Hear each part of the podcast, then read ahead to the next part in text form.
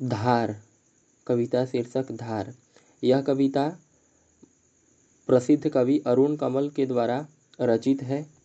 आइए हम इसका वाचन करते हैं। कौन बचा है जिसके आगे इन हाथों को नहीं पसारा? कौन बचा है जिसके आगे इन हाथों को नहीं पसारा?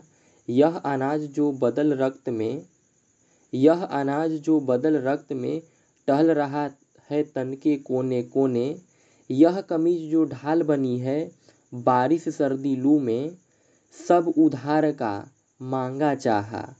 नमक, तेल, हींग, हल्दी तक, सब कर्जे का, यह शरीर भी उनका बंधक। अपना क्या है इस जीवन में? सब तो लिया उधार, सारा लोहा उन लोगों का, अपनी केवल धार। अपना क्या है इस जीवन में? सब तो लिया उधार, सारा लोहा उन लोगों का अपनी केवल धार।